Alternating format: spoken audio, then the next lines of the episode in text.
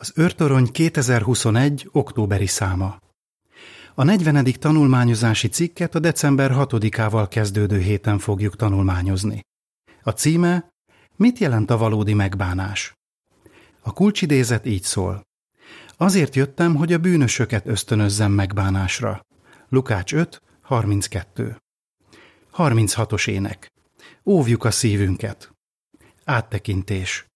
Ha valaki őszintén megbánja, hogy bűnt követett el, az jóval többet foglal magában annál, hogy azt mondja, hogy sajnálja. A Háb és Manassé király, illetve a tékozló fiú történetéből látni fogjuk, hogy mit jelent a valódi megbánás.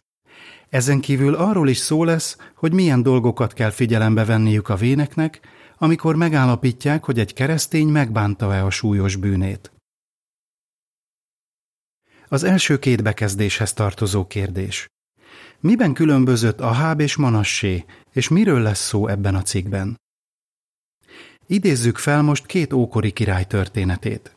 Az egyikük Izraelben, a másikuk Judában uralkodott. Bár eltérő időben éltek, sok mindenben hasonlítottak. Mindketten fellázadtak Jehova ellen, és a népet is eltérítették tőle. Bálványokat imádtak, és még a gyilkosságtól sem riadtak vissza. Ám volt köztük egy fontos különbség. Az egyikük az élete végéig bűnös úton járt, a másikuk viszont megbánta a gaztetteit, és Jehova megbocsátott neki. Melyik két királyról van szó? Ahábról, Izrael királyáról, és Manasséról, aki Júdában uralkodott. A történetükből láthatjuk, hogy mit jelent a valódi megbánás, és hogy miben nyilvánul meg. Ez egy nagyon fontos téma, hiszen szeretnénk, hogy Jehova megbocsásson nekünk, amikor vétkezünk. Most vizsgáljuk meg, hogy milyen tanulságokat vonhatunk le a két király történetéből. Utána pedig arról lesz szó, hogy mit tanított Jézus a megbánásról. Mit tanulhatunk Aháb történetéből? A harmadik bekezdéshez tartozó kérdés. Milyen király volt Aháb? Aháb Izrael, vagyis a tíz törzs királyság hetedik királya volt. A szidóni király lányát Jezabelt vette feleségül.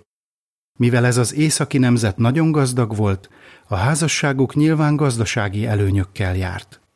Ám Jezabel Boált imádta, és Ahábot is rávette, hogy támogassa ezt a szörnyű vallást, amelyhez a templomi prostitúció és a gyermekáldozatok is hozzátartoztak. Ennek hatására a nép még jobban eltávolodott Jehovától. Jezabel gyűlölte Jehova profétáit, és sokakat megölt közülük. A hábról pedig azt olvassuk, hogy gonoszabb volt mindazoknál, akik előtte voltak. Egy királyok 16.30 Jehova figyelmét egyáltalán nem kerülte el, hogy miket művel Aháb és Jezabel. Ám az irgalma arra indította őt, hogy a profétáján illésen keresztül megpróbálja visszatéríteni a népet a helyes útra, amíg még lehet. De Aháb és Jezabel nem hallgattak a figyelmeztetésre. A negyedik bekezdéshez tartozó kérdés. Milyen ítéletet hozott Jehova Aháb ellen, és hogyan érintette ez őt? Végül elfogyott Jehova türelme, és elküldte Illést, hogy közölje az ítéletét Ahábbal és Jezabellel. Jehova úgy döntött, hogy Aháb egész családját ki fogja írtani. Illés üzenete nagyon megrendítette Ahábot, és meglepő módon ez a büszke király megalázta magát Jehova előtt. Az ötödik és hatodik bekezdéshez tartozó kérdés. Miből látszik, hogy Aháb bűnbánata nem volt őszinte? Bár Aháb ez alkalommal megalázta magát, a későbbi viselkedése azt bizonyította, hogy igazából nem bánta meg a tetteit. Nem próbálta meg kiírtani a Baál imádatot az országból, és azért sem tett erőfeszítést, hogy előmozdítsa Jehova imádatát. De még másból is látszott, hogy nem volt őszinte a bűnbánata. Később, amikor Aháb háborúra készült a szírek ellen, elhívta maga mellé szövetségesnek Júda királyát, Josafátot, aki hűséges volt Jehovához. Josafát azt javasolta, hogy a csata előtt kérjenek útmutatást Jehovától az egyik profétáján keresztül. Aháb először ellenkezett, és ezt mondta. Van egy ember, aki által meg lehet kérdezni Jehovát, de én gyűlölöm őt, mert jót sosem profétál rólam, csak rosszat. Végül mégis megkérdezték Jehovát Mikáján keresztül, és ő valóban rosszat profétált a hábról.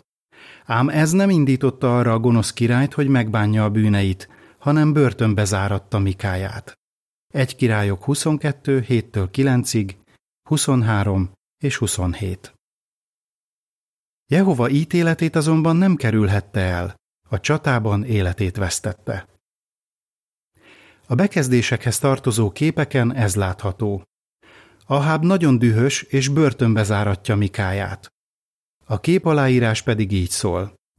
Aháb börtönbe vetette Jehova profétáját, és ebből látszott, hogy valójában nem bánta meg a bűneit.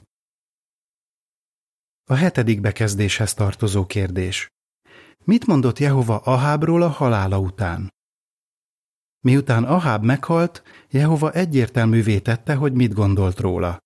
Amikor Josafát épségben hazaért a csatából, Jehova elküldte Jéhút, hogy megfedje őt, amiért szövetkezett Ahábbal. Jéhu ezt mondta neki. Hát a gonosznak kell segítséget nyújtanod?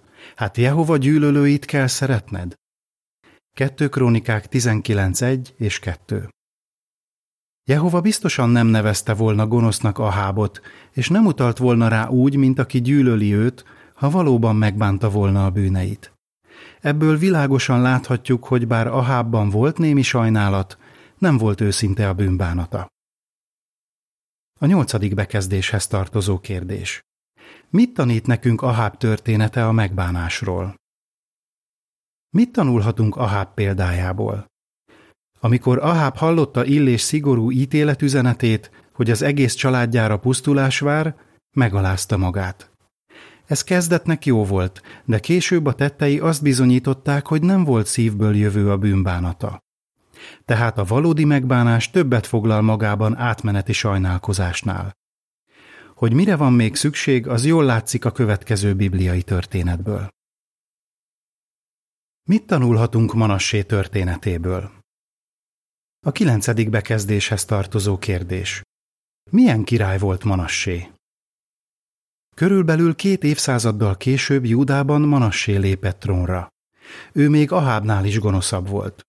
Sok olyasmit művelt, amit Jehova rossznak tart, hogy bosszantsa őt. 2 Krónikák 33, 1-től 9-ig. Oltárokat készített a pogányisteneknek, és még egy szent rudat is felállított Jehova templomában, amely valószínűleg egy termékenységi szimbólum volt. Mágiát űzött, illetve jóslással és varázslással foglalkozott. Ezen kívül rengeteg ártatlan vért is ontott, például elégette a saját fiait áldozatként a hamis isteneknek. 2 királyok 21, 6, 7, 10, 11 és 16. A tizedik bekezdéshez tartozó kérdés. Hogyan fegyelmezte meg Jehova Manassét, és hogyan reagált erre a király? Akárcsak Aháb, Manassé sem hallgatott Jehova profétáira. Végül Jehova elküldte ellenük Asszíria királyának hadvezéreit, és elfogták Manassét horgokkal, rátettek két részbilincset, és elvitték Babilonba. Ott a fogságban Manassé őszintén magába nézett. Nagyon megalázta magát ősapái Isten előtt. Mi több Istenének Jehovának a jó indulatáért könyörgött, és kitartóan imádkozott hozzá. Ez azt mutatta, hogy ez a gonosz király kezd megváltozni. Már úgy tekintett Jehovára, mint a saját istenére, és igyekezett közeledni felé. 2 Krónikák 33, 10-től 13-ig. A 11. bekezdéshez tartozó kérdés. A 2 Krónikák 33, 15, 16 szerint mivel bizonyította Manassé a bűnbánatát? Jehova látta Manassé imáiból, hogy mennyire megváltozott a gondolkodása. Meghallgatta a könyörgését, irgalmazott neki, és visszahelyezte őt a trónra. Manassé ezt a lehetőséget arra használta fel, hogy bizonyítsa, mennyire őszinte a megbánása. Megtette azt, amit Aháb meg sem próbált. Határozottan fellépett a hamis imádattal szemben, és Jehova imádatára buzdította a népet. A kettő krónikák 33, 15 és 16 ezt írja. Eltávolította az idegen isteneket, meg a faragott bálványt Jehova házából, és minden oltárt, amelyet Jehova házának hegyén és Jeruzsálemben épített. Majd kidobatta azokat a városból. Sőt helyreállította Jehova oltárát, és közösségi áldozatokat, meg hála áldozatokat mutatott be rajta. Továbbá meghagyta Júdának, hogy Jehovát, Izrael istenét szolgálja.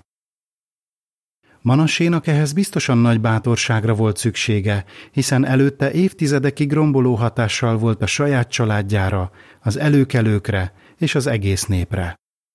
De most az uralma vége felé megpróbálta valamelyest jóvá tenni az általa okozott károkat. Az unokáját Jósiást is biztosan jóra oktatta, hiszen később hűséges király lett belőle. A bekezdéshez tartozó képeken ez látható. Manassé leromboltatja azokat a bálványokat, amelyeket korábban ő állítatott fel a templomban. A kép aláírás pedig így szól. Manassé fellépett a hamis imádattal szemben, és ezzel azt bizonyította, hogy őszintén megbánta a védkeit. A tizenkettedik bekezdéshez tartozó kérdés. Mit tanít Manassé története a megbánásról? Mit tanulhatunk Manassé példájából? Manassé megalázta magát Jehova előtt, de ennél többet is tett. Könyörgött az irgalmáért és változtatott a viselkedésén. Megpróbálta helyrehozni a hibáit, erőfeszítéseket tett Jehova imádatában, és másokat is erre ösztönzött. Manassé története még azoknak is reményt adhat, akik nagyon súlyos bűnöket követtek el. Azt bizonyítja, hogy Jehova jó, és kész megbocsátani, ha valaki valóban megbánja a védkeit. A tizenharmadik bekezdéshez tartozó kérdés. Hogyan szemléltethetnénk, hogy a megbánáshoz nem elég az, ha valaki sajnálja, amit tett? Manassé történetéből láthatjuk, hogy a megbánás többet foglal magában a sajnálatnál. Ezt így szemléltethetnénk. Tegyük fel, hogy bemész egy pékségbe, és kérsz az eladótól egy süteményt. Elégedett lennél, ha ő erre egy tojást adna neked? És az javítana a helyzeten, ha elmagyarázná, hogy a tojás egy fontos összetevője a süteménynek? Hát persze, hogy nem. Ehhez hasonlóan Jehova arra kéri a bűnösöket, hogy tanúsítsanak megbánást. Ha valaki sajnálja, amit tett, az nagyon jó, mert ez fontos része a megbánásnak. De ez önmagában még nem elég. Ez a tanulság domborodik ki Jézusnak a tékozló fiúról szóló példázatából is. Mi bizonyítja a valódi megbánást? A tizennegyedik bekezdéshez tartozó kérdés. Mi volt az első jele annak, hogy a tékozló fiú megbánta a vétkét? Jézus elmondott egy megható példázatot, amely a Lukács 15, 11-től 32-ben lett feljegyezve. Egy fiú fellázadt az apja ellen, elment otthonról és egy távoli vidékre utazott. Ott erkölcstelen, kicsapongó életet élt. De amikor rosszra fordult a sora, eszébe jutott, hogy mennyivel jobb volt az élete az apja házában. Jézus úgy fogalmazott, hogy a fiú észhez tért. Elhatározta, hogy hazamegy, és könyörög az apjának, hogy bocsásson meg neki. Ebben a folyamatban fontos pont volt az, hogy a fiú felismerte, hogy nagy hibát követett el. De ennél többet kellett tennie. A 15. bekezdéshez tartozó kérdés. Mi mindenből látszott, hogy a tékozló fiú igazán megbánta a bűnét? Ez a fiú bizonyította azt, hogy valóban megbánta a vétkét. Hazatért pedig ehhez hosszú utat kellett megtennie. Aztán töredelmesen ezt mondta az apjának. Védkeztem Isten ellen és te ellened. Nem vagyok már méltó arra, hogy a fiadnak hívjanak. Lukács 15.21 A fiú őszinte szavaiból látszott, hogy szeretné helyrehozni a kapcsolatát Jehovával, és hogy felfogta, hogy mennyire megbántotta az édesapját. Nagyon szerette volna kiengesztelni őt, ezért arra is kész lett volna, hogy béresként éljen a házában. Ez a példázat nem csupán egy szívet melengető történet. Sokat tanít a véneknek arról, hogy mit figyeljenek, amikor próbálják megállapítani, hogy egy keresztény valóban megbánta-e a súlyos bűnét.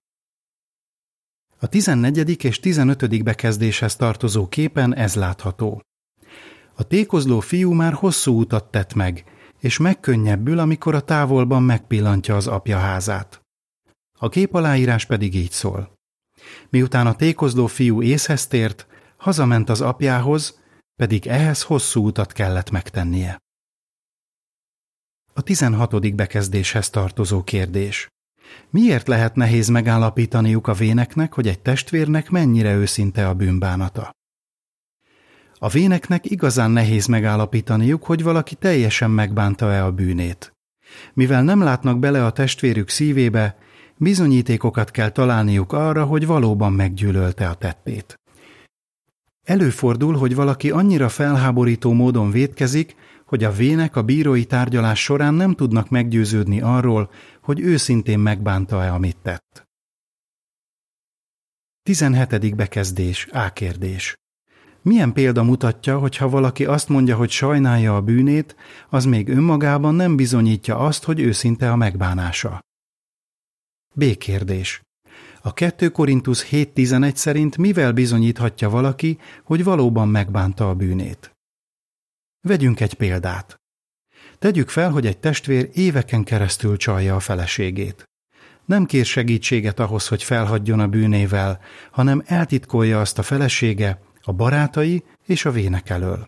Végül, amikor lelepleződik, beismeri a vétkét, és úgy tűnik, hogy nagyon sajnálja, amit tett. Vajon ez már önmagában elegendő bizonyíték arra, hogy valóban megbánta a bűnét? Gondoljunk bele, nem pusztán egy pillanatnyi gyengeségről van szó, hanem arról, hogy a testvér éveken át bűnben élt. Ezen kívül nem saját maga vallotta be a vétkét, hanem valahogyan kitudódott. Ezért a bánkodáson túl a véneknek további bizonyítékokat kell látniuk arra, hogy a testvérüknek teljesen megváltozott a gondolkodása, az érzései és a viselkedése. A 2 Korintus 7.11 ezt írja. Mert nézzétek, milyen őszinte igyekezet lett az eredménye annak, hogy úgy szomorodtatok el, hogy az kedvére van Istennek. Igen, megtisztultatok, igen, felháborodtatok, igen, mélységes tiszteletet éreztetek Isten iránt, igen, szerettétek volna megbánni a bűneiteket, igen, buzgók voltatok, és igen, helyrehoztátok azt, ami rossz. Mindenben helyesen jártatok el, hogy megoldjátok ezt az ügyet. Ahhoz, hogy a vétkes testvér meg tudja tenni a szükséges változtatásokat, feltehetően hosszabb időnek kell eltelnie. Emiatt nagyon valószínű, hogy ki fogják közösíteni a gyülekezetből. A 18. bekezdéshez tartozó kérdés. Mivel mutathatja ki egy kiközösített személy az őszinte bűnbánatát, és mire számíthat, ha így tesz? Egy kiközösített személy úgy fejezheti ki az őszinte megbánását, hogy a vének tanácsát megfogadva mindig ott van az összejöveteleken, rendszeresen imádkozik, és tanulmányozza a Bibliát. Emellett arra is őszintén törekszik, hogy kerüljön minden olyan dolgot, amely újra bűnbe sodorhatná. Ha elszántan fáradozik azon, hogy helyreállítsa a Jehovával ápolt kapcsolatát, akkor biztos lehet benne, hogy ő teljesen megbocsát neki, és a vének is úgy döntenek majd, hogy vissza lehet fogadni a gyülekezetbe. Természetesen a vének tudják, hogy minden eset más, ezért figyelembe veszik a sajátos körülményeket, és nem támasztanak észszerűtlen elvárásokat a vétkessel szemben. A 19. bekezdéshez tartozó kérdés. Mit foglal magában a valódi megbánás? Tehát, ahogy láttuk, az őszinte bűnbánat többet foglal magában annál, mint hogy valaki azt mondja, hogy sajnálja, hogy vétkezett. Arra is szükség van, hogy teljesen megváltoztassa a gondolkodását és az érzéseit, és hogy ez tettekre indítsa őt. Fel kell hagynia a bűnös életmódjával, és Jehova elvárásai szerint kell élnie. Aki valóban megbánta a bűnét, annak az a legfontosabb, hogy újra jó kapcsolatban legyen Jehovával. Az Ezékiel 33, 14-től 16-ig terjedő versek ezt írják. És ha azt mondom a gonosznak, biztosan meghalsz, de az felhagy bűnös viselkedésével, és azt teszi, ami jogos és igazságos, visszaadja azt, amit zálogba vett, megtéríti, amit elrabolt, és azok szerint a rendeletek szerint jár, melyek élethez vezetnek, nem követve el gonoszságot, akkor biztosan élni fog. Nem hal meg. Egyetlen bűnét sem rovon fel neki. Mivel azt tette, ami jogos és igazságos, biztosan élni fog. Segítsünk másoknak, hogy megbánják a bűneiket. A 20. és 21. bekezdéshez tartozó kérdés. Hogyan segíthetünk egy barátunknak, ha súlyos bűnt követett el? Jézus azt mondta, hogy az az egyik célja a szolgálatának, hogy megbánásra ösztönözze a bűnösöket. Mi is ugyanerre szeretnénk törekedni. Mit tegyünk hát, ha megtudjuk, hogy az egyik barátunk súlyos bűnt követett el? Ne segítsünk neki eltitkolni a bűnét, mert azzal csak rontanánk a helyzeten.